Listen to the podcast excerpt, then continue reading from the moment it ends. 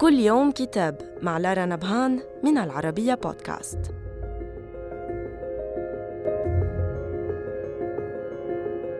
كتابنا اليوم بعنوان De la démocratie en pandémie.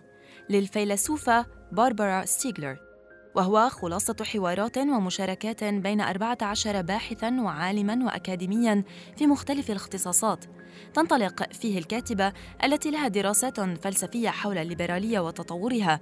من رأي أطلقه رئيس تحريرة مجلة لانست البحثية الطبية المرموقة ريتشارد هورتون عن أن الفيروس قاتل بطبيعة الحال. لكن الخطورة الأكبر هي ما بعد الهجوم الفيروسي حيث تبين أن النتائج الوخيمة سببها مشكلات سابقة عليه مثل التفاوت الطبقي والأزمات البيئية وضعف النظام الاستشفائي. أرادت الكاتبة الأستاذة في جامعة بوردو مونتاني الاشتراك مع باحثين في علوم اللغة والتاريخ السياسي والقانون لكسر الصمت وإثارة نقاش معرفي وفلسفي حول الطريقة القاصرة التي أديرت بها الأزمة. لذلك جاء البيان مليئا بالغضب مما حصل والخوف على مستقبل لم يعد آمنا.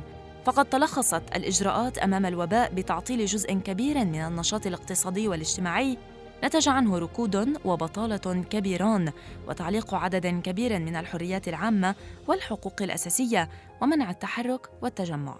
ما سبب صدمة غير مسبوقة للديمقراطيين الغربيين تهز ركيزتيهما الأساسيتين الرأسمالية والليبرالية.